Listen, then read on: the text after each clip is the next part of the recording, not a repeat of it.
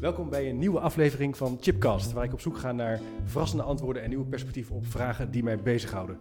En in deze aflevering ga ik in gesprek met Jan Brandsen over zijn nieuwe boek. En de vraag die centraal staat in het boek, zijn wij, worden wij gevormd of worden wij vervormd door ons onderwijs? Een boek waarin Jan ook een pleidooi houdt voor ander onderwijs. Jan, ontzettend leuk dat je in de uitzending bent. Dankjewel. Een, Leuk. Ja, eh, ik heb het met heel veel plezier gelezen. Dat is Eh, mooi. Een filosoof, een filosoof die een boek over onderwijs schrijft. Je- hoe, hoe zie jij dat? Is het een filosofie? Het is niet zo heel gek. Nee, het is een filosofieboek Ja? natuurlijk. Kijk, filosofen kunnen zich overal mee bemoeien. Die kunnen overal over schrijven. Dat mag gewoon. Dat heb je ook. Je hebt Ja. een filosofie over van alles en nog wat. Ja. Omdat filosofie zich eigenlijk bezighoudt met, met, met de analyse van de taal, met hoe wij praten over onderwerpen. Ja. En, eh, en wij praten over onderwijs. En we, en we praten heel veel over onderwijs. En het fascinerende natuurlijk aan, aan, tenminste dat probeer ik in het boek wel duidelijk te maken, aan het menselijk bestaan is dat ook heel veel bestaat op het niveau van de taal en eigenlijk in de taal. Dus heel veel dingen die wij, waar wij over praten, zijn er ook alleen maar omdat wij erover praten. Oh ja, ja. Dat is En een doordenker. Ja. Ja, Ja. dat is misschien een doordenker. eh, maar het maakt ook dat je, dat je dus echt aan taalanalyse moet doen. Ja. En, en, en wat mij betreft de gewone alledaagse taal. Dus onderwijs is een woord wat iedereen gebruikt. Ja. En iedereen heeft daar beelden bij, heeft daar associaties mee. En als je die nu een beetje zuiver probeert te analyseren, probeert, probeert te- in verbinding te brengen met andere begrippen die er ook te doen, leren, eh, docent, student, leerling, eh, dan krijg je een heel netwerk aan begrippen wat de moeite waard is om, om uit te pluizen en te analyseren. En dat heb ik natuurlijk in het boek geprobeerd en geprobeerd te laten zien dat, dat zeg maar in de alledaagse taal waarin wij over onderwijs praten, vijf hele domme ideeën zitten. Vijf, oh, daar gaan we er straks wat meer over horen. Vijf hele Ja. domme ideeën. Maar jij bent hoogleraar filosofie in Nijmegen. Eh, eh, wanneer, wist je, wanneer dacht je, ik ga een boek maken over onderwijs? Ja, dat. ehm, nou, kijk, toen ik in, ik, in 2002 ben ik in Nijmegen benoemd. Ja. En toen was mijn leerstoel, die heette toen Filosofie en Geschiedenis van Onderwijsvorming en Opvoeding. Kijk, ja. En daar zat onderwijs dus Ja, al in. precies. Dus ik had een switch gemaakt. Hè. en Ik was in, in Utrecht was ik filosoof en ik hield mij bezig eigenlijk met, met mensbeelden, met, met eh, menselijk handelen, met menselijk denken. Ehm, en ik vond dat de filosofie wat dichter bij het alledaagse leven moest zijn. En de kans om in Nijmegen aan het werk te gaan tussen pedagogen en psychologen was een prachtige kans daarom. Dus in die zin was er in 2002 al het idee van ik moet iets als filosoof Ja. met, met, met de wereld van het menselijk gedrag en met name eigenlijk met de wereld waarin wij dat menselijk gedrag ontwikkelen en vormen. Dus dat is iets met onderwijs, zullen we zeggen, iets met opvoeding. Eh, daarna heeft het nog wel een hele tijd geduurd voordat ik echt aan dit boek ging denken. En met allerlei zijwegen, allerlei andere dingen gaan doen. Eh, en in 2013, dat weet je, een boek over gezond verstand geschreven. Ja. Eh, de echte aanleiding voor dit boek is denk ik concreet gekomen in 2016. eh, nadat ik aan de universiteit langzamerhand ging zien dat de studenten die binnenkwamen. Eigenlijk denk ik, die wilden, hier, die wilden er niet zijn. Zo. Die willen eigenlijk helemaal niet studeren. Ze moeten wel, of ze komen wel en, en, ze, en, en ze, ze willen wel steeds tentamens halen, maar dat is nog iets anders dan willen studeren. Dus ze, ze wilden wel tentamens halen. Want ze wisten dat ze allemaal treetjes op moesten om eindelijk echt Dus ze waren meer te bezig kunnen gaan met, beginnen met het echte leven. ze waren meer bezig met de tentamens, de, de punten, Oh ja, ja, dan ja. met het idee van studie.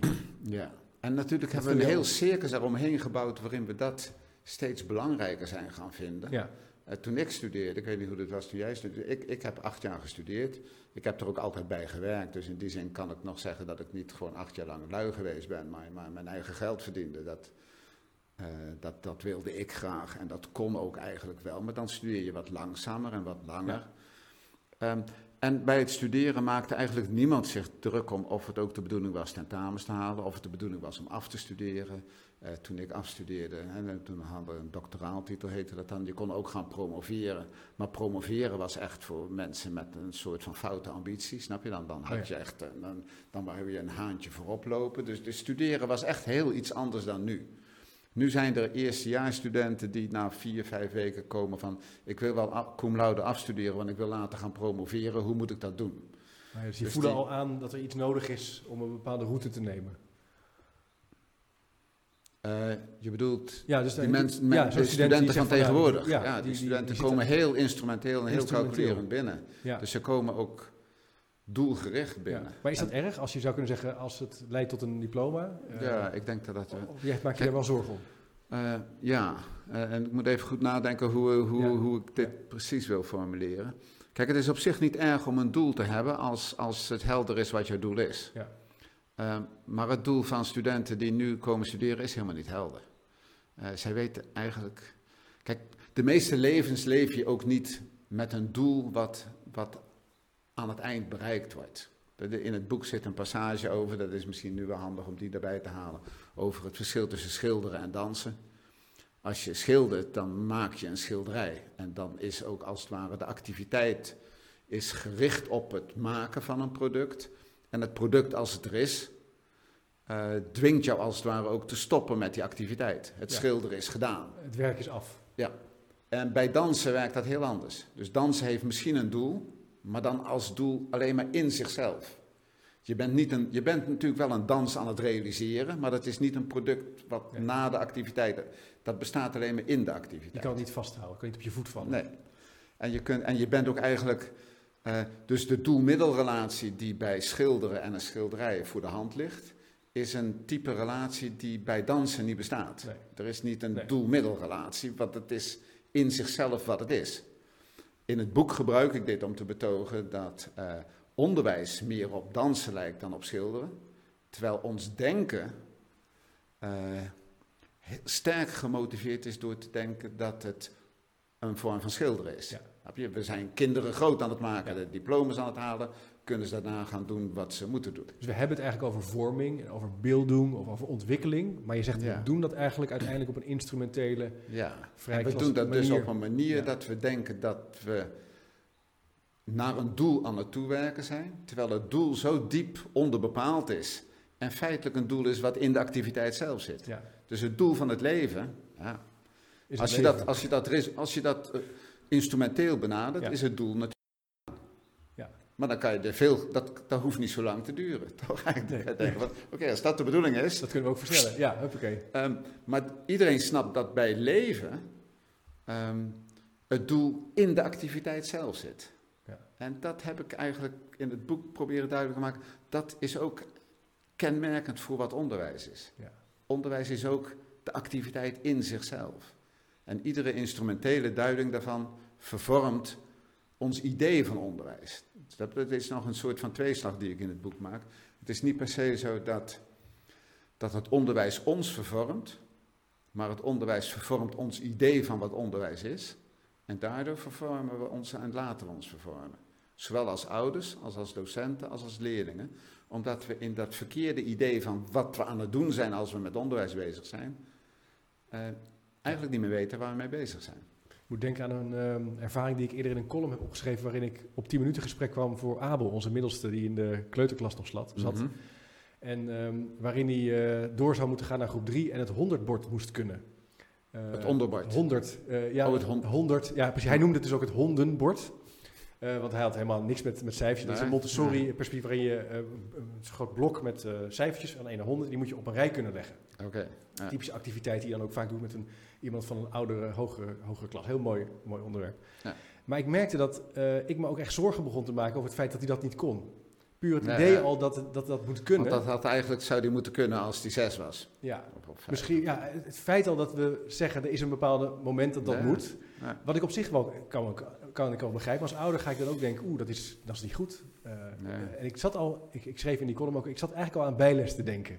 Ja, Dus het zit in mij, in, in ons, om dus ook op die manier dus naar, naar leren te gaan kijken. En voor je het weet. eh, Ja, en, en, en, en dat vervormt juist. hè. en dat Dus- vervormt. Dus dat is even, eh, Ja. moet even denken aan het Dus een van, de, een van de dingen in het, in het boek. eh, ik probeer ook duidelijk te maken dat er een verschil is tussen leeropbrengsten en leerdoelen. Ja, En leerdoelen zou je kunnen stellen. En er zijn natuurlijk er zijn kleine afgebakende taken te bedenken. waarbij je ook echt een, een leerdoel kunt formuleren. ja, Maar wat wil ik met mijn leven?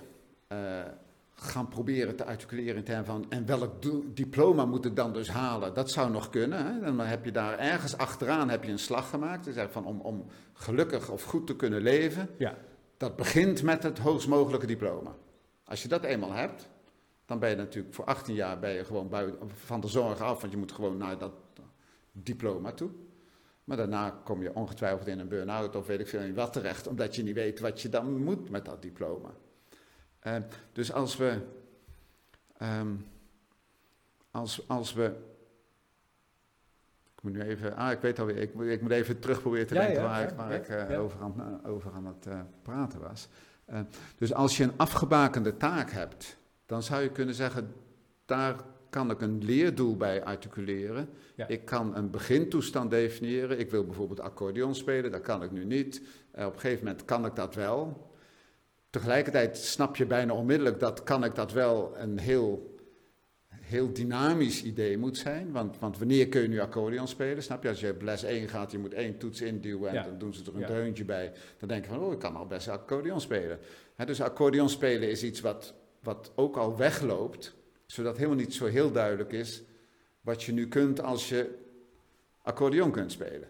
Dus zelfs bij zoiets helders als ja. accordeon spelen, instrumenteel, is, het, is het doel eigenlijk niet zo makkelijk te definiëren.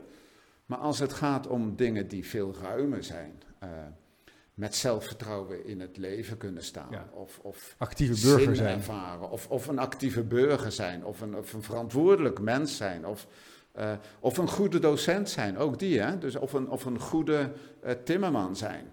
Uh, dat zijn allemaal, die definiëren als doelen, zonder dat we helder genoeg weten wat dat dan eigenlijk is. Ja. Zodat we ook niet goed weten hoe we daar instrumenteel naartoe moeten. Terwijl we onderweg de leerdoelen misschien niet bereiken, maar wel allerlei leeropbrengsten hebben. Ja. En die leeropbrengsten zijn het interessantst, maar die zijn niet als doel te plannen. Nee.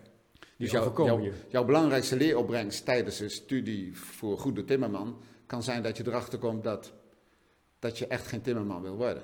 Dat is een hele relevante leeropbrengst. Ja. Maar natuurlijk niet van die opleiding. Tenminste, dat zal die, die snap je, als zo'n opleiding zich, zich doelbewust en instrumenteel organiseert, ja. zullen ze dit een slecht effect vinden.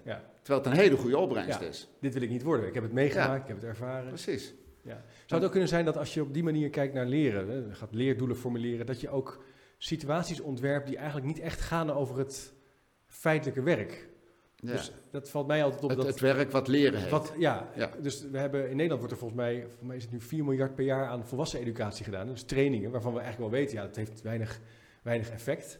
Het zijn Mhm. echt gesimuleerde omgevingen waar we over dingen praten, maar niet echt werken. Ja, Dus nee. klantgerichter worden, ja, daar kan je, kan je wel over hebben. Het is vast wel relevant, Ja. maar als je het wil leren, moet je het eigenlijk gewoon doen. ja, je moet die dingen gewoon doen. En het idee, dus, het, dus in heel veel van dit soort dingen, denk ik, eh, zit een idee van er is ergens een recept. ja, En ik kan jou dat recept geven. Dat Ja. doe ik dan in zo'n kleine cursus. Hè. Dan Ja. heb je daarna het recept en dan kan je, kun je koken. Dan kan je, je kunt het recept uitvoeren en je krijgt je wat je, kan het algoritme volgen. Ja. Ja. Ehm, terwijl natuurlijk klantvriendelijk zijn heeft niet de vorm van een recept. Nee, juist niet. Nee. Nee, het heeft de vorm van, van, een, van een attitudeontwikkeling. Ja, dus een van de dingen die, die wel ook de aanleiding voor het boek al, als, als, als effect gehad hebben, ik zeg dit een beetje onhandig nu, is dat op de universiteit het ook steeds belangrijker werd om, om onze leerdoelen helder te formuleren en ook om de weg naar dat leerdoel toe helder te articuleren en zeggen, en nu ben je daar. En mijn enige taak in de, in de opleiding pedagogiek of pedagogische wetenschappen is dat ze een filosofische attitude leren ontwikkelen. Dat ze bepaald type vragen gaan stellen.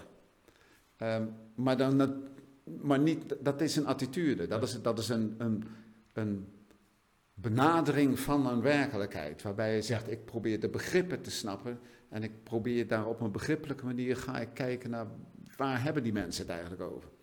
Als dat attitudevorming is, dan is het dus heel erg moeilijk uit te drukken in termen van een leerdoel. En het is ook nauwelijks te toetsen. Dus, dus we moeten het ook over toetsen gaan hebben. Eh, Ja. want, en het is nauwelijks, het is eigenlijk niet zo duidelijk hoe je daar komt. Nee. Ehm, Dus het is eigenlijk een soort sprookje. Een soort, ja, en, we en, houden elkaar en bezig je met... kunt En je kunt proberen de didactiek van de filosofie te verbeteren. Maar, Nee. maar dat, nee, dat, Eh, en- dus dat is echt een kwestie van doen. Het is een kwestie van voortdurend geconfronteerd worden met mensen die die soort van vragen al stellen. ja, dat is het. Dat is het. In jouw boek ga je nog veel verder in de zin dat je niet alleen voor de universiteit handreikingen biedt voor hè, het hoger onderwijs om naar onderwijs te kijken, maar ook het basisonderwijs eh, Ja. en ook het middelbare scholieren, Ja. middelbare scholen. Zou je iets kunnen zeggen over dat basisonderwijs? Hoe kijk je, want hè, van, eh, tot met 12 jaar ga je naar school en dan wordt toch wel verwacht van nou, leren rekenen, leren schrijven. Eh, dat verg- vergroot ook in zekere zin de toegang tot, Ja. tot de wereld. Hoe kijk je daarnaar? Naar zo'n, ja, ik denk dat dat wel. Dus als je zegt tot 12 jaar gaan we naar school, vind ik wel een goed idee. ja, Ehm, en, en dat het dan na 12 heel anders wordt, dat vind ik ook een goed idee. Ja, dus ja. dat, dus, dus die, dat, dat, dat er primair onderwijs is en dat we in het primair onderwijs ontscholen. Ja. Ehm, voor mij betekent dat, en zo leg ik het, zo, zo spreek ik er ook in het boek over. ehm, het is een kwestie van eh, lid, lid leren worden van onze taalgemeenschap. En dat is een, dat is een wat langer, eh, dat moet Mooi. wat langer uitgelegd Ja, ja, worden om. eh, hè, maar het gaat erom dat je eigenlijk je stem leert ontwikkelen. Dat je mee leert praten. Eh, daarvoor moet je leren lezen, daarvoor moet je leren schrijven. Want, want eh, heel veel van ons meepraten is feitelijk via Ja. het geschreven woord. ja, Dus je moet leren lezen en je moet leren schrijven. eh, en, en daar zijn vast, snap je, daar zijn vast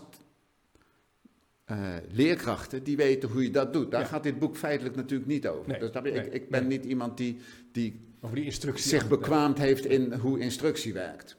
Ik kan wel nadenken over wat doet instructie en wat betekent het eigenlijk om te instrueren. Dus dat is het niveau waarop ik in het boek iets probeer. En, en wat ik denk wat in het primair onderwijs gebeurt, is dat als je een lid wordt van onze taalgemeenschap, en je moet daarvoor ook rekenen, hè, dat heb ik, nog, heb ik nog net niet gezegd, maar rekenen is behoorlijk belangrijk, want in onze taalgemeenschap is statistiek, is, is percentages, eh, zijn getallen, Ja. eh, die, die zijn all over the place. Ja. Dus dat, dat, dat, dat moet je kunnen beheersen om mee te kunnen praten. Maar wat je ook moet kunnen beheersen om mee te kunnen praten, is het zelfvertrouwen in dat als jij de neiging krijgt om iets te zeggen, dat, dat de aandacht verdient die die neiging bij jou zelf oproept. Je, je wil nu bijvoorbeeld, je wil misschien iets zeggen nu en dan, en als ik gewoon door blijf praten, dan ga je dat niet zeggen. Als je denkt, ik weet het niet zeker of ik het kan zeggen. Dus om een lid van een taalgemeenschap te worden, moet je niet alleen maar de taal feitelijk, instrumenteel, formeel beheersen. Maar je moet ook een mens zijn die zijn eigen neigingen vertrouwt, die zijn eigen verlangen om iets te zeggen serieus neemt. En zo serieus neemt dat hij denkt, ik mag bij anderen aanspraak maken op dat zij nu luisteren, omdat ik iets te zeggen heb.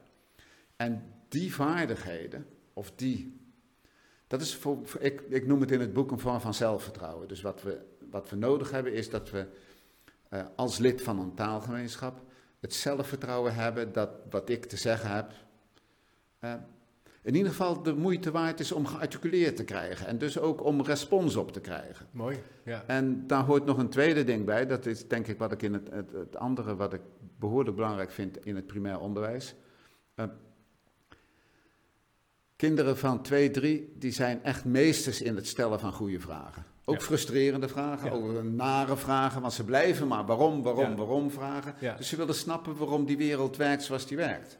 En niet alleen maar waarom die functioneert zoals die functioneert, maar ook waarom sommige dingen horen zoals ze horen. Dus er zijn dingen die geldende wij, regels. ja, die wij normaal gaan vinden, maar die misschien wel normaal zijn in de zin van dat we ze gewend zijn, maar niet normaal in de zin van dat het ook zo zou horen. Dus daar vragen ze naar. Ehm, en die neiging om vragen te stellen, die hoort voor mij bij een lid van een taalgemeenschap zijn. Die neiging die raken we langzaam kwijt in het onderwijs. En hoe komt dat? Omdat we in het onderwijs ehm, vraag-antwoordstructuren gaan organiseren als je hebt vragen en bij iedere vraag hoort één antwoord. Dat is het goede antwoord. Er horen heel veel andere antwoorden Ja. bij, dat zijn niet Ja. de goede.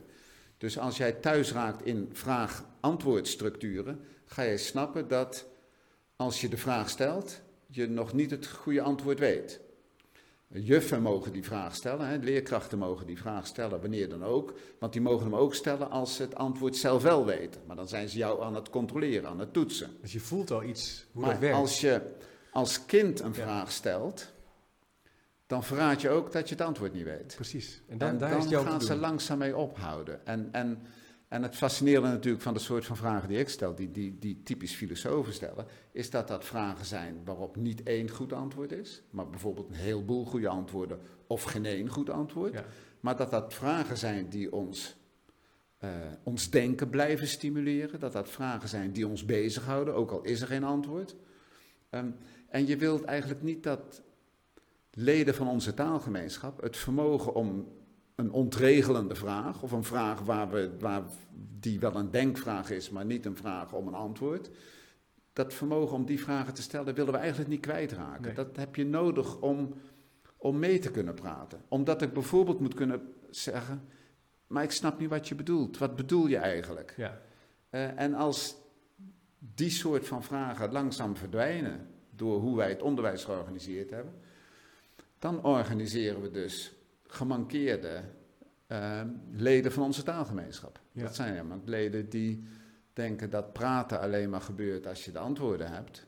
En dat het vragen stellen omdat je iets niet snapt of iets niet gelooft of iets niet weet, dat dat eigenlijk niet de bedoeling is. Interessant hoe dat, wat voor effect dat kan hebben, hoe je dus met kinderen ook omgaat. En hoe je, oh je les inricht. Ja, dus hoe ze eigenlijk kijken. En het kan dus zo zijn dat je al vrij snel voelt, als ik een vraag stel, dan, dan is het, oh zit, het, zit, het, niet goed en in elkaar. En het zit in hele subtiele dingetjes. Ja. De, mensen, mensen zijn wat dat betreft net zo slim als...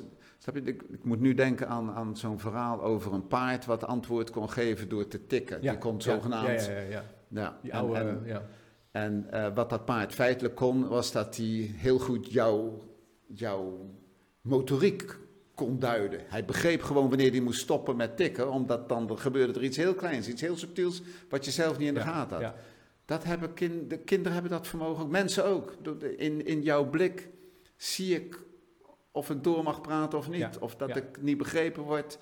En dat is eindeloos subtiel. En in dat, als het ware, dat onopgemerkte, in de onopgemerkte. Uh, in, in, in de onopgemerkte dynamiek tussen ons gebeurt heel veel leren. Wat niet intentioneel leren is, wat niet, in, wat niet leren is wat door instructie getriggerd wordt, maar wat wel degelijk heel belangrijke leeropbrengsten heeft. En dus de onbedoelde leeropbrengsten zijn zo dominant in het onderwijs. Uh, juist omdat we hopen dat alles door middel van instructie georganiseerd kan worden. Ja. Gaat, heel veel leren gaat ondergronds missen we ook veel dus. Oh, we missen ontzettend veel. Ja. ja, ja. We missen heel veel. Dus en, en je, ja. ja, je mist ook altijd veel. Ja. Dus dat is ook niet per se iets ergs. Nee, dat is gewoon maar er zijn wel erge dingen die we nu missen, die we niet zouden moeten missen. Ja. Dus dat, dat is waar mijn boek over gaat. Eigenlijk. Mooi. En uh, als je nou een bruggetje of een stapje maakt naar de middelbare school. Ja. Uh, daar heb je ook uh, ideeën over. Waar je nu, wat nu natuurlijk veel in het nieuws is wel, dat bijvoorbeeld op de HAVO wel sprake is van grote motivatieproblemen. Dat, dat echt kinderen daar niet leuk vinden, uh, saai vinden, dus resultaten gaan omlaag. Ofwel door willen naar het VWO, ofwel dus afzakken naar het, naar het VMBO. Ja, uh, dat mag je niet zeggen, door, doorstromen of afzakken. Nee, dat mag allemaal niet. Dat is allemaal, nee, dus dan krijg je ook en dat is natuurlijk ook heel naar dat we dat, we dat, dat we als het ware dat in niveaus organiseren. En dat je, dat je denkt dat, dat leerlingen afstromen naar ja. En dat ze, uh, dus dat, die, die, die hoog-laag metafoor is echt, echt heel erg misplaatst. Uh, maar ik denk dat, dat, dus wat mij betreft is het voortgezet, het middelbaar onderwijs, is echt, uh, is echt het, het, het, ergste eraan toe. In, dus ik vind dat een vorm van onderwijs die, de, de, toen mijn boek uitkwam, heeft de, Radboud Universiteit groot geadverteerd met ons onderwijsbestel is failliet. En dat had ik niet gekozen, maar dat had de, de, de, communicatieafdeling. Maar ik was daar wel blij mee, want ik meen dat echt. En ik denk met name in het middelbaar onderwijs. Je begon over motivatie. Um, kijk, als je, als je het leren door middel van. Als je het leren ziet als de spiegel van instructie. En je organiseert het leren als een cognitief verhaal.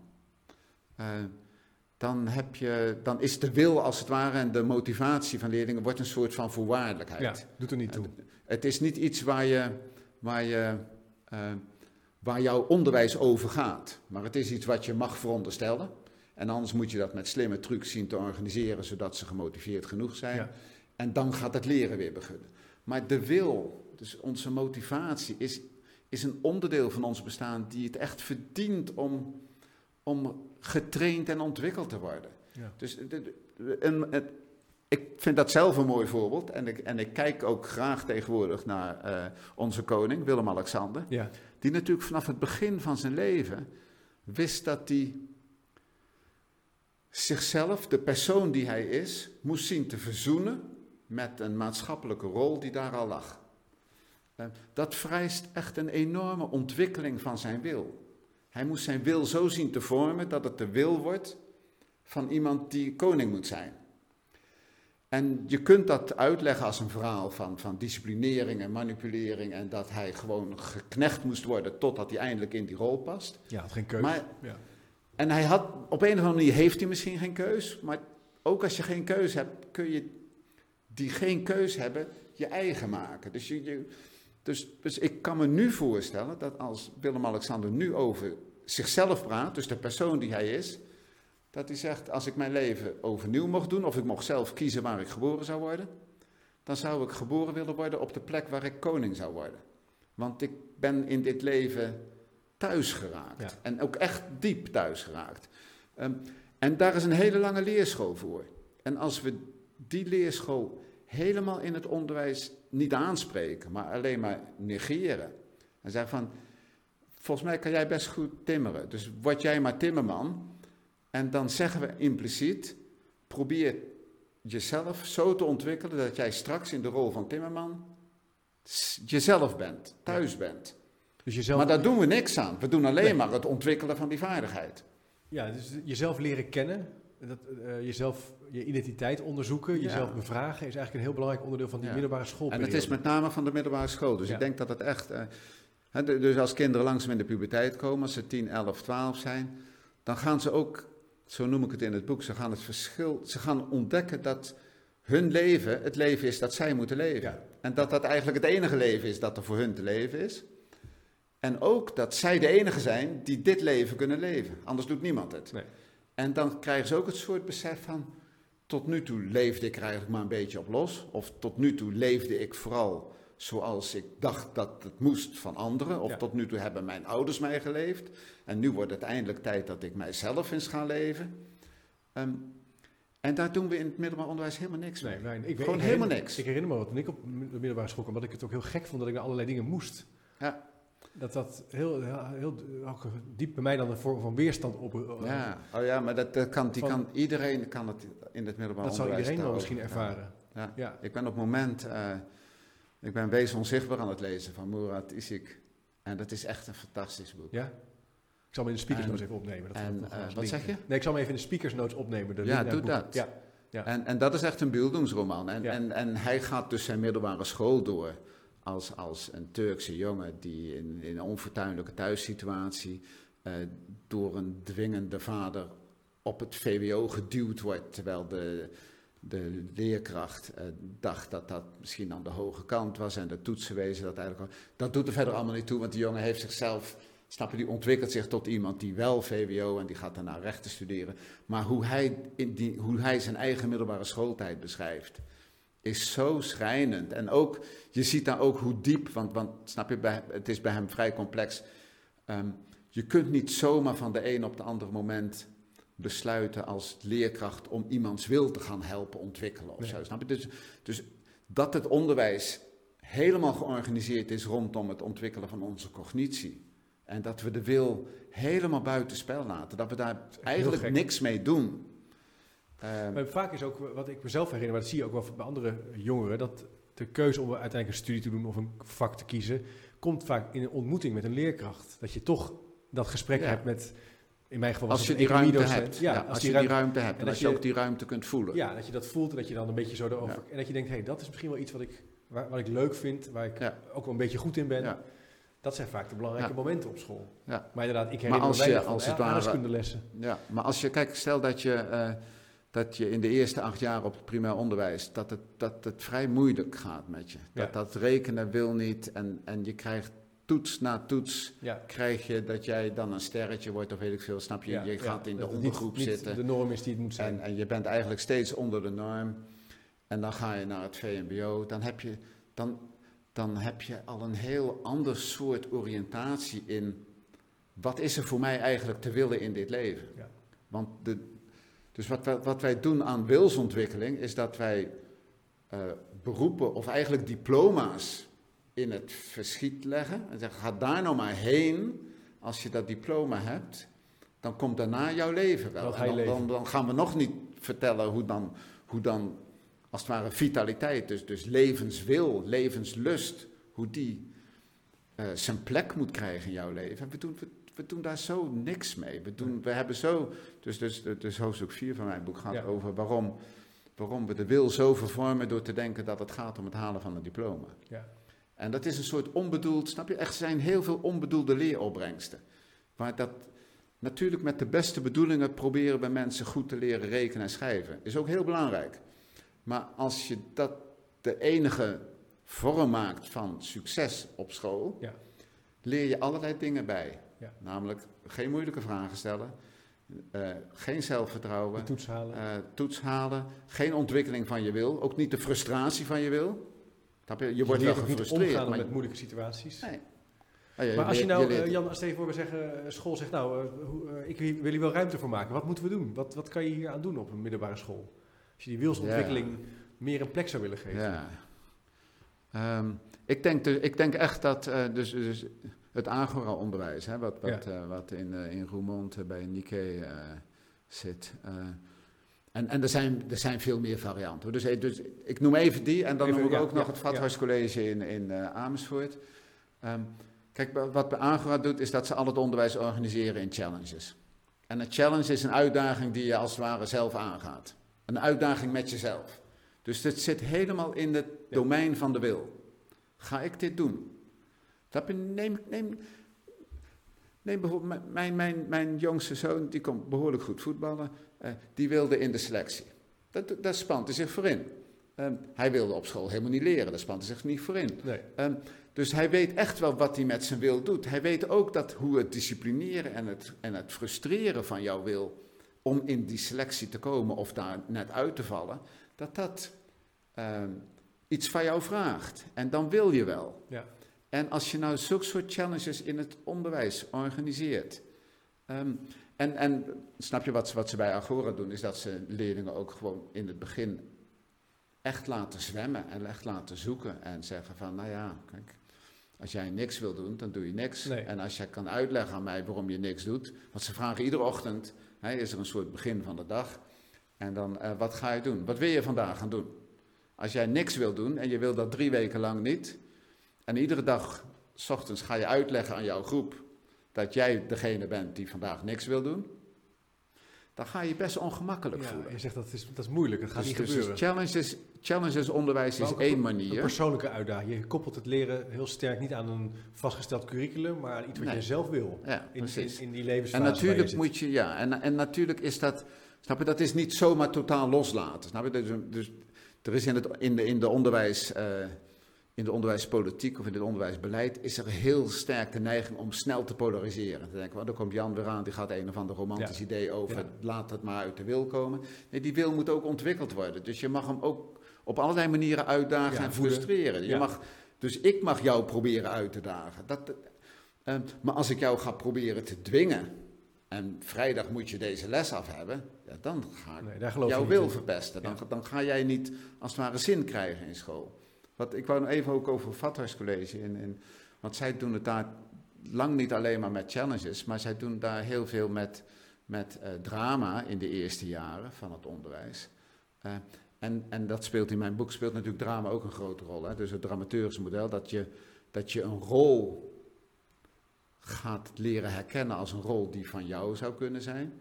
Dat kun je natuurlijk met, met, met, eh, met dramalessen, kun je dat op allerlei manieren gaan uitproberen. Dus, dus in die creatieve hoek, eh, kun je, je kunt natuurlijk dan, dan denken van oké, dat zijn een soort van creatieve vakken. Nee, maar het zijn ook vakken waarin je speelt en leert spelen met een, met een rol die van jou zou Ja, kunnen zijn. ja. Dus als je daar, snap je, als daar docenten of, of eh, vaders en moeders uitgenodigd worden om op school te vertellen. Snap je, ga, kom jij in mijn klas vertellen, wat doe jij nu eigenlijk zo de hele dag? Snap je, jij maakt dit soort podcasts.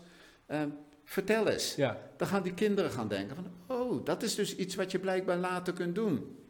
En dat geeft zo'n ander beeld dan, wat voor diploma heb jij? Snap je, jij gaat nooit vertellen wat voor diploma je hebt. Dat, dat diploma is niet interessant. Als je, als je eenmaal dit werk aan het doen bent, of wat voor werk je dan ook doet, is jouw diploma niet dat waarmee jij als het ware je identificeert. Nee.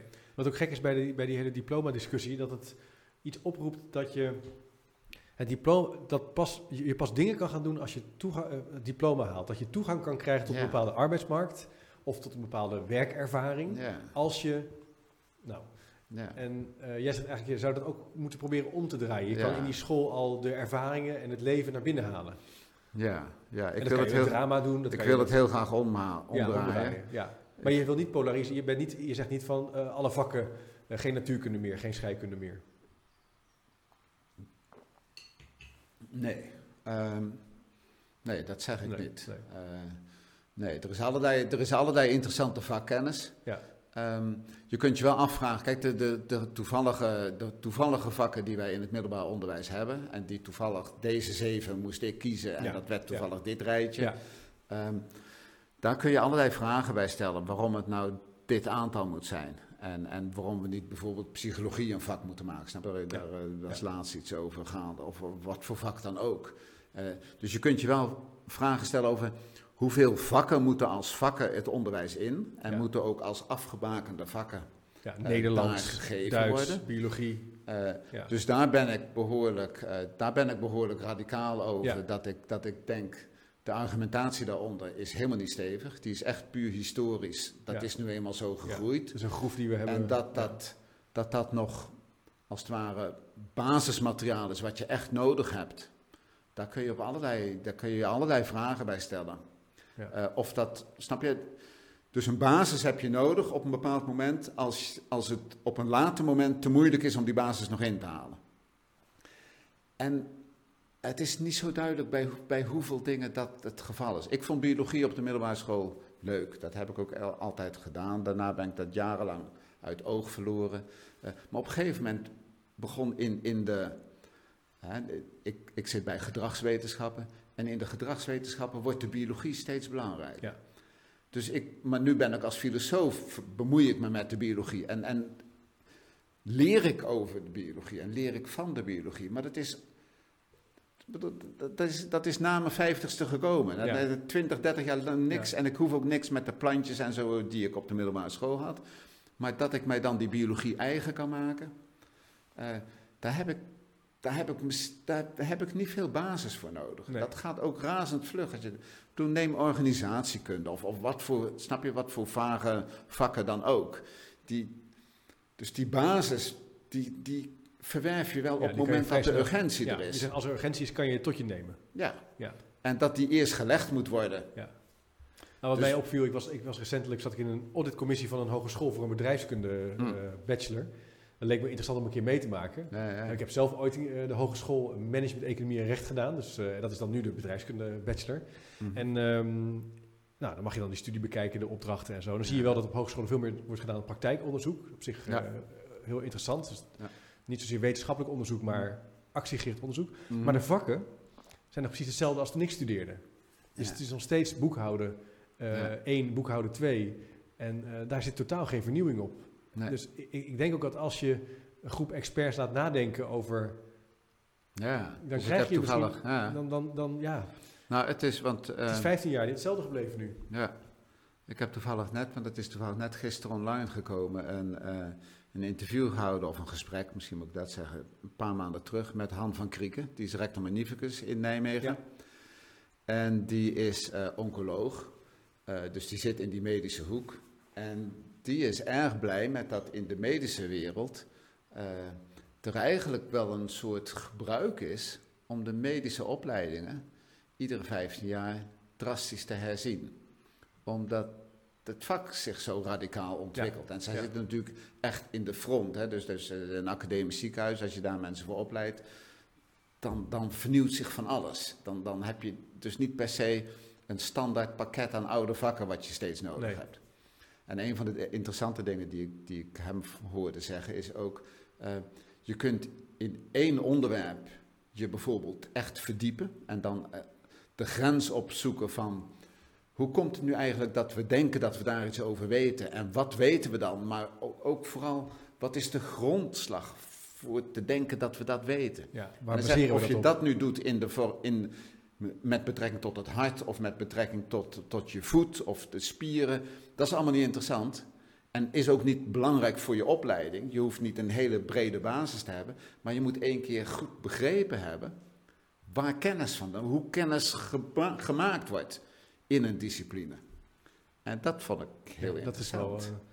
eh, En eh, dus, dus dat, dat dat onderwijs, dat, je, dat als het ware de concrete invulling van een curriculum behoorlijk willekeurig is. Na, na, na het primair onderwijs. Ja, Dus in het primair, Ook zelfs in het primair onderwijs denk ik dat je, in, in, als je het rekenen en taal op orde hebt, dat je dan allerlei leuke projecten daarnaast kunt doen. Eh, maar dat er op de middelbare school als het ware nog meer basis gelegd moet worden, is denk ik echt onzin. Dus in mijn boek verdedig ik ook dat, eh, dat als, als leren levenslang, levenslang gebeurt, hè, dat is eigenlijk de, de, de, de grond van het hele, van het hele Ja, boek, dat ook, leren ja. en leven, dat we dat niet uit elkaar moeten trekken. Je moet niet eerst leren om dan te kunnen leven. Maar als leren levenslang duurt, dan kan het initiële leren, dus het leren wat je echt nodig hebt om mee te kunnen gaan doen, kan veel korter. Ja. Dus ik wil kinderen ook vanaf 12 aan het werk. Vanaf 12 aan het werk. Dus dan moet je al in contact komen met eh, de werkomgeving. Ja. Kessel schreef, zei dat ook al eerder in een eh, podcast. Oké. Voorzichtig pleidooi voor het afschaffen van de kinderarbeid. Niet als Ja, manier om Maar, nee, eh, precies. ze een uit, uit te buiten, maar om ze te laten ervaren eh, hoe die arbeidssituatie eruit ziet. ja, en ik zou zeggen om ze te laten ervaren dat ze ertoe doen. Ja. Want Ja. in het onderwijs, dus een van de lastige dingen, als je, zeker als je dat onderwijs zo lang laat duren. ehm, ze, ze begrijpen onderwijs, als ze eenmaal 11, 12 zijn, heel erg goed als, als, een, als investeren in zichzelf. Ja. En waar dat dan goed voor is, is iets wat ze niet goed snappen. Nee. En dat als ze toch bezig zijn met investeren in zichzelf, dat dat helemaal gedicteerd wordt door jouw curriculum. En dat jij bedacht hebt, nou dan moet je dit en dan moet je dat en dat. Tot je 24ste moet je blijven investeren in jezelf.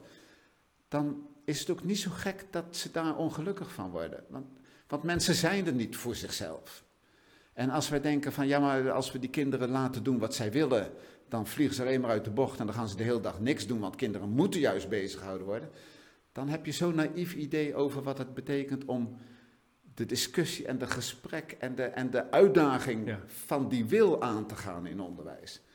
Ehm, maar als je ze laat werken, de, de kinderen hebben dat als ze, als ze een baantje krijgen. Snap je? Als ze een baantje, nou, om te beginnen zijn ze ineens altijd op tijd.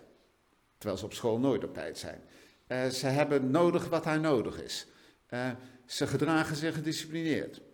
Ehm, en, en ze hebben volgens mij echt de ervaring dat ze ertoe doen. Dat ze dit, dat ze iets bijdragen aan iets anders dan zichzelf. Mooi. Eh, dat- Dus een pleidooi om eh, vanaf je twaalfde Ja, een arbeidsrelatie aan te gaan. Dus hè? in mijn boek doe ik het, zeg ik het, twee dagen buitenschools leren. Buitenschools En leren. ik, en ik noem het nog wel leren. Ik, nee, ik geloof dat het buitenschools leerwerken. Ja. Dus Ja. ik heb een werkwoord gemaakt van leerwerken. Dus, dus er zit wel een educatief lerend element steeds in.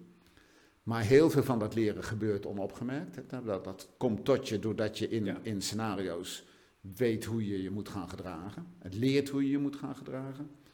Ehm, maar dat je dat twee dagen buitenschools doet. Dat je ook dat, en, en je kunt het op andere manieren doen. Je kunt ook de school of de, de wereld die school, School inhalen. dat Dus op veel hogescholen wel. dus al die dingen Ja. hoeven ook helemaal Nee. niet. Snap je? Dit, Nee. dit zijn, het zijn suggesties van mij. Ja. Het zijn pogingen om, om na te denken over als je, als je nu serieus gaat nemen Ja. wat ik in deel 1 verdedig. Hoe ziet dat eruit? Hoe gaat dat eruit? Nou, het doet me wel denken aan in het boek wat ik met Jozef eh, schreef, Denken in organisaties, hebben we ook het gehad over hoe zou nou een verlichten, we gebruiken erin de verlichtingsfilosofie als handreiking ja, om ja, naar nu te kijken, van, eh, een verlichte school eruit zien. En dan verkenden we ook ideeën dat een school daarin een plek is waar je als kind dingen meemaakt. Hè? Dus het is een leeromgeving waar, je, waar mensen naartoe komen en je nou ja, in, Ja. in aanraking komt met een je- filosoof, met een arts, met een bouwvakker en je samen dingen maakt. Dus je leert gewoon heel veel in ervaringen en door ervaringen. Ja, En als je, de, als je denkt, in de ervaring leer je eigenlijk alleen maar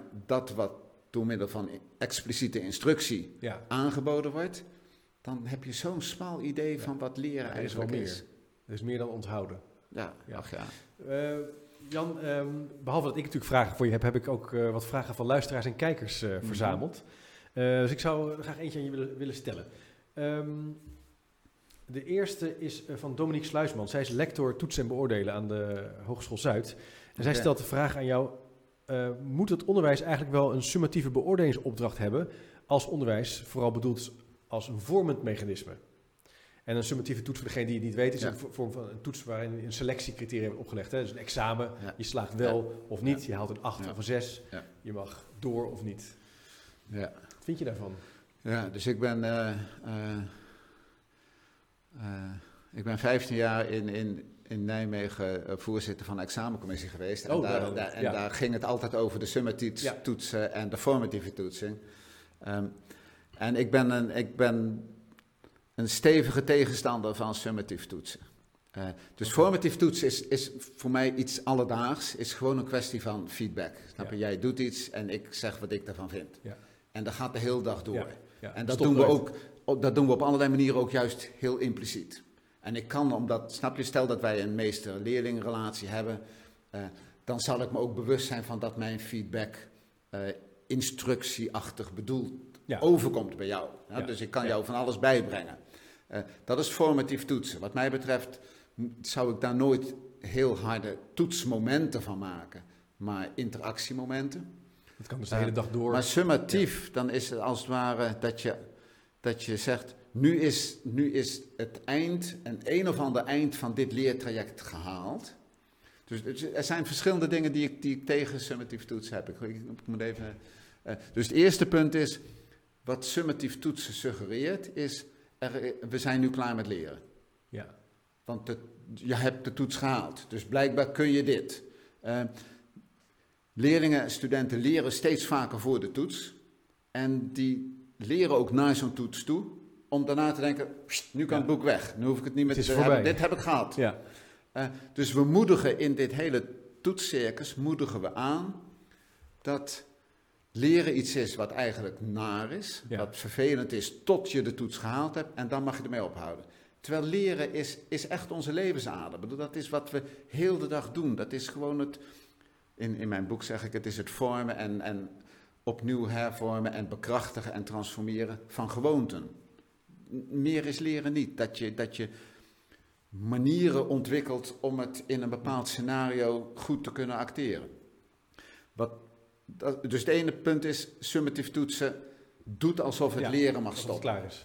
Het tweede is dat summatief toetsen suggereert dat het leertraject dat ik doorgelopen heb, ehm, iets bij mij heeft bewerkstelligd. Op dezelfde manier als het bij iedere lotgenoot van mij, iedere leerling heeft, namelijk we hebben dezelfde opleiding doorlopen en we kunnen aan het eind hetzelfde.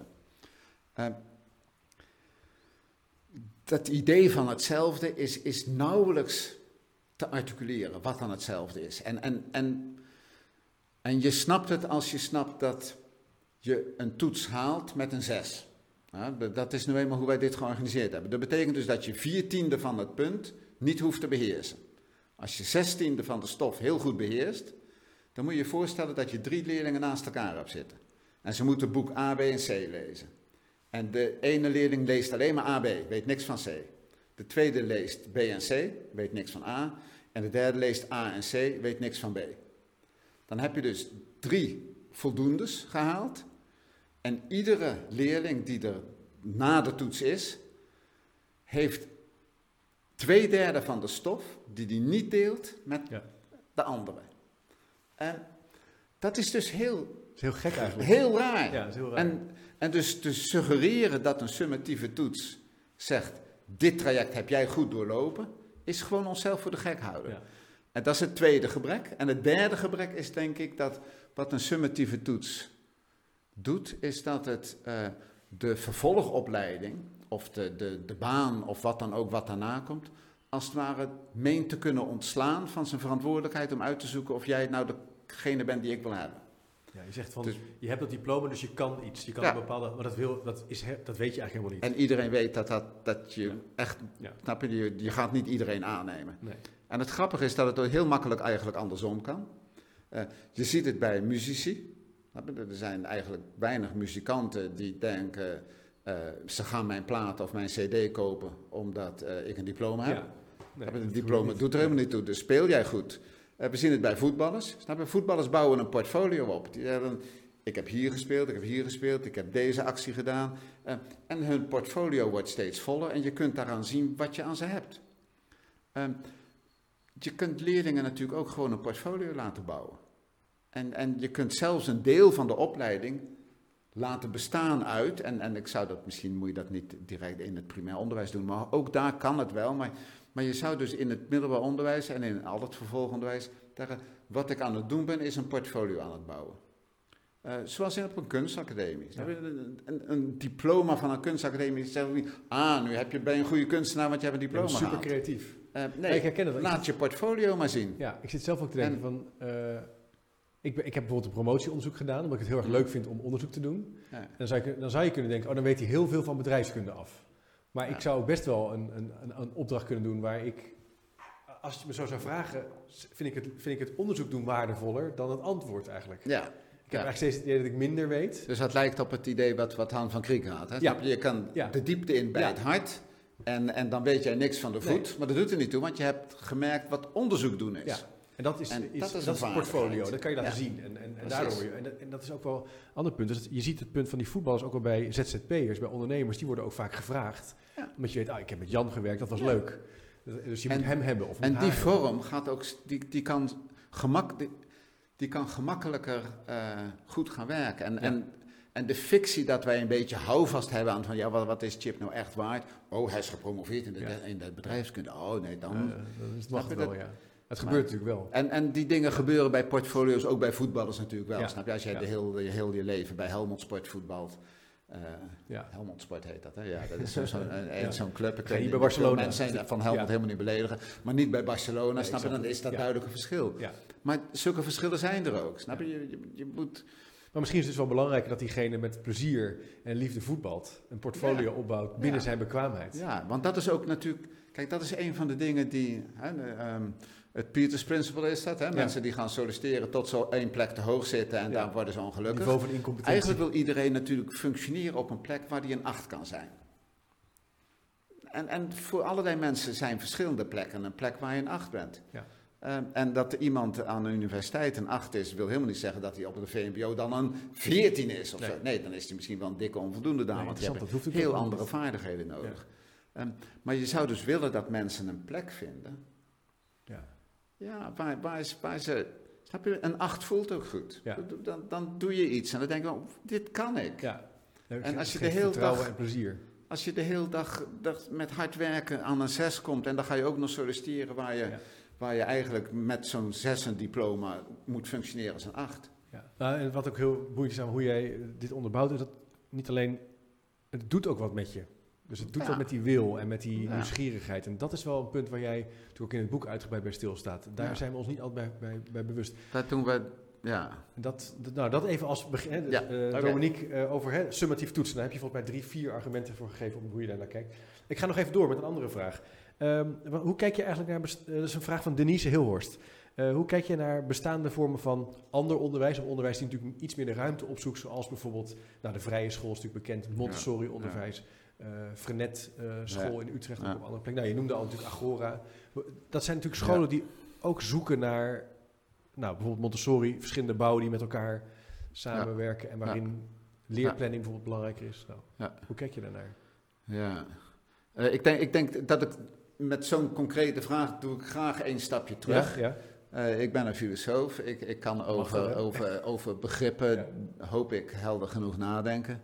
Eh, en ik heb, niet, ik heb me niet empirisch, ik, ik heb me niet uitgebreid verdiept in die scholen. Nee. Ik heb, eh, dus ik ben eh, sinds het boek er is, word ik door verschillende democratische scholen benaderd. En die zeggen van wat jij beschrijft, dat is wat wij al lang doen, Dat dus doen kom wij. eens kijken. Oh ja.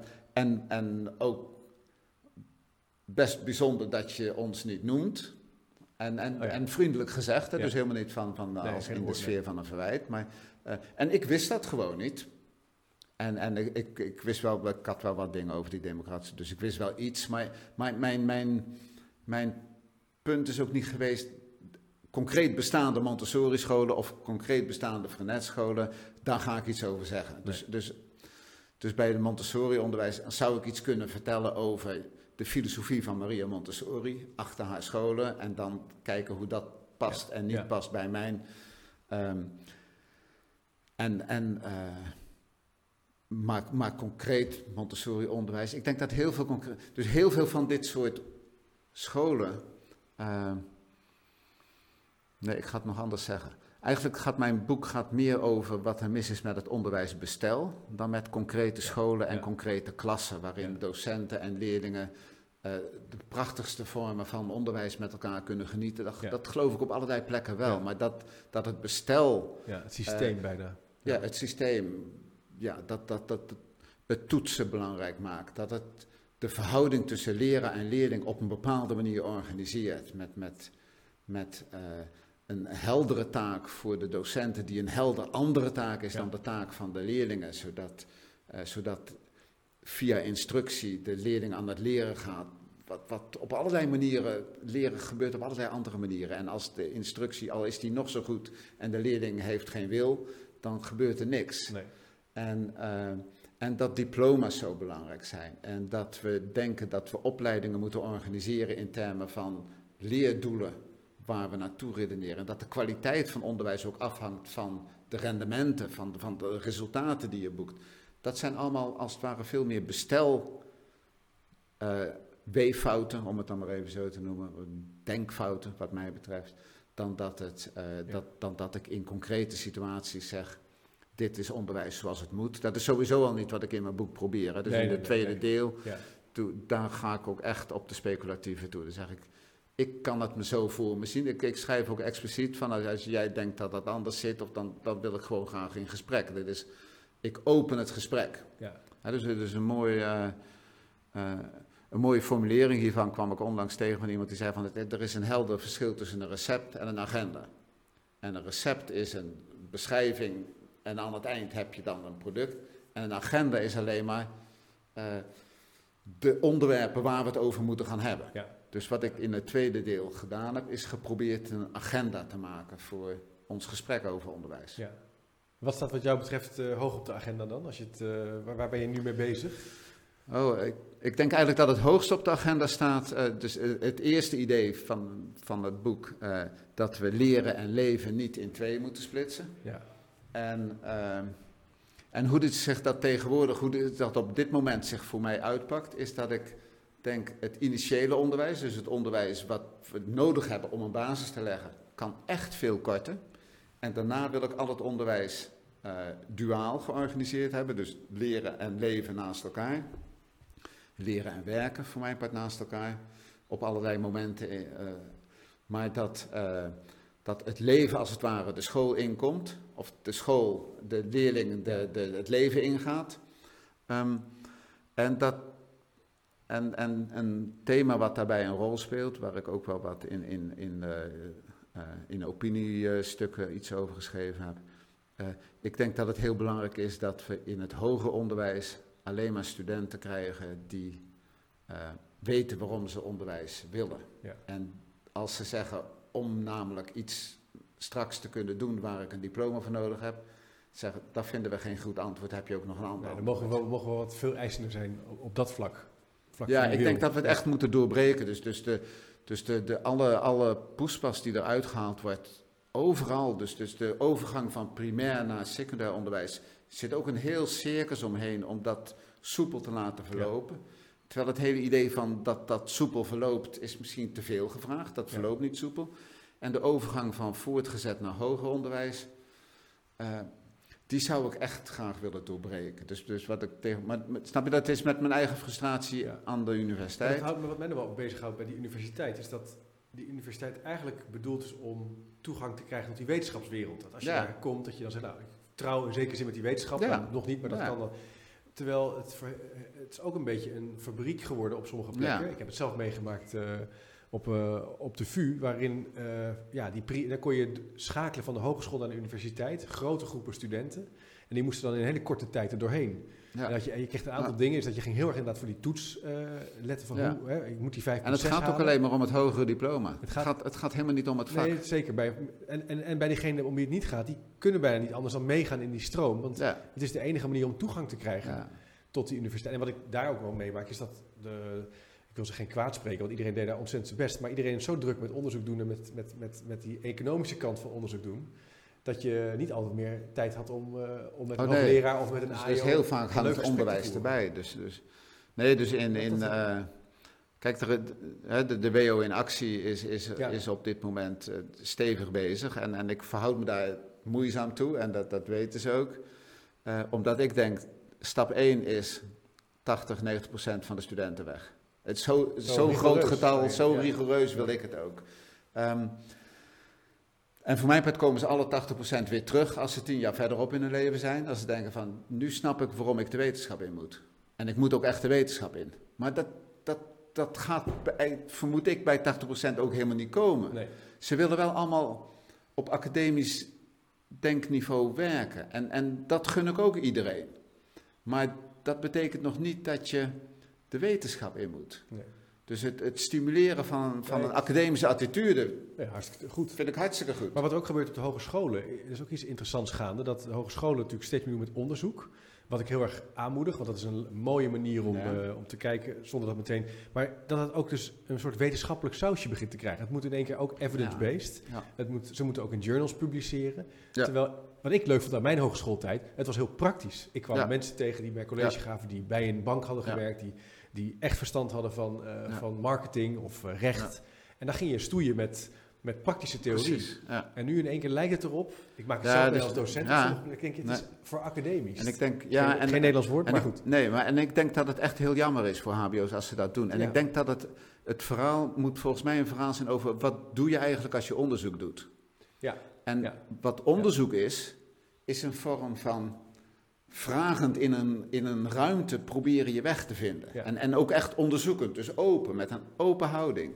Maar wat we zijn gaan denken dat onderzoek is, is het bouwen van, van een evidence-based modellen van de werkelijkheid, het bouwen van theorie, uh, het bouwen ook van theorie die op een of andere manier als het ware contextneutraal is, zodat hij gerepliceerd kan worden in Amerika of in Australië of waar dan ook. Ja, wat ook gebeurt is het... het en eh, dat hoeft helemaal niet. Nee, en het, een beetje het fabeltje dat als je iets, als je terugkijkt op een situatie, dat het ook weer voortschrijvend waar is. Je ziet ook de hele bedrijfskunde gebeurt met allerlei modellen en verklaringen.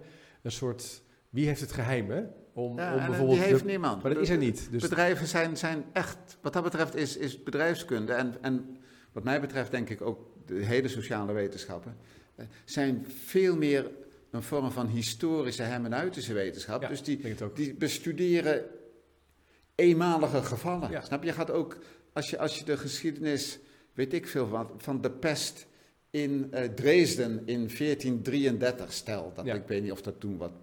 Maar daar is vast iets over te onderzoeken. Dat kan heel interessant zijn, maar dan ga je natuurlijk niet denken. Van, en nu weten we iets over de pest in Detroit in whatever jaar. Maar daar is, daar is, wat daar ook boeiend aan is, is dat er een sterke nadruk begint te ontstaan op kwantitatief onderzoek. Het moet dus allemaal data zijn, terwijl ik zou zeggen, als het dus die humanistiek is, het is meer historisch, zou case study onderzoek veel ja, interessanter zijn. Dus case studies in de sociale wetenschappen zijn fantastisch. En dan mag je ook wat bescheiden zijn over, over de waarheid, of dat nou te repliceren, nou is het niet te repliceren. maar uh, het is interessant om die vragen te stellen. Maar dat is dus, dus daar zie je al wel wat, hoe dat die WO... Ja, dus het jammer is, dus snap je, want, want, want ik denk inderdaad dat de kracht van het HBO is dat ze echt dicht op de praktijk zitten. Ja. Dus dat ze ook praktijkonderzoek of... Act, ehm, nou, laten we het gewoon praktijkonderzoek noemen. Ja, praktijkonderzoek. Ze, onderzoekend in een praktijk bezig zijn. Ja. Uh, en een, een case neerzetten waarin je laat zien dat je dat je je verstand hebt gebruikt, al zoekend, ja. voor mijn part. En dan, maar te denken van, en dat heeft een resultaat. Het is weer het resultaat denken over onderzoek. Hè. Het onderzoek is krachtig en boeiend, omdat het als het ware de dans op die plek is. Maar het, is niet, het levert niet een schilderij op, Nee. wat we daarna kunnen gebruiken, omdat we ergens anders dat kunstje Het nog een keer willen doen. Het proces doet Op die andere plek. Nee. En op die andere plek moeten andere mensen dat opnieuw tot leven brengen. Leuk Jan, ja. Ja. Eh, nou, we zouden er volgens mij nog een tijdje over door kunnen praten. Maar we hebben wel eh, volgens mij zo langs gevormd of vervormd een aantal interessante Hm. spanningen eh, verkend. Hè? En volgens mij is een pleidooi Mhm. om het leven en het leren bij elkaar te brengen. Ja. En de wil van, van jonge mensen, maar ook van volwassenen, meer Ja. centraal te stellen. Hè? Als, Ja. als, als vorm, als, En te zien als een, als, een, als een topic dat onderwijzende, educatieve aandacht waard is. Geweldig, leuk. Eh, Ik kan het iedereen aanraden, het boek van Jan Brands. Het is een, eh, inderdaad een filosofische bespiegeling over onderwijs. Maar het is ontzettend leuk geschreven met, eh, nou ja, ik kan echt merken dat je filosoof bent. Je kan ook die argumenten heel mooi eh, analyseren, tegenover elkaar zetten. Dus wat mij betreft een aanrader. En ook zeker jouw blogs eh, bekijken op eh, janbrandsen.nl, waarin je ook het over het gezond verstand hebt. Hè. Dat is ook erg leuk om, eh, om af en toe nog eens eh, erbij te pakken. Ehm, Jan, hartelijk bedankt. Leuk dat je in de uitzending was. Ehm, Graag gedaan. voor degenen die eh, nog de speakers notes willen bekijken, kijk even op chipcast.nl. Daar zal ik ook alle bronnen, links, artikelen en blogs eh, waar Jan en ik aan refereerden even eh, plaatsen. Dan kan je die nog op een rustig moment terug bekijken. En voor nu zou ik zeggen bedankt voor het luisteren en kijken en tot de volgende keer maar weer.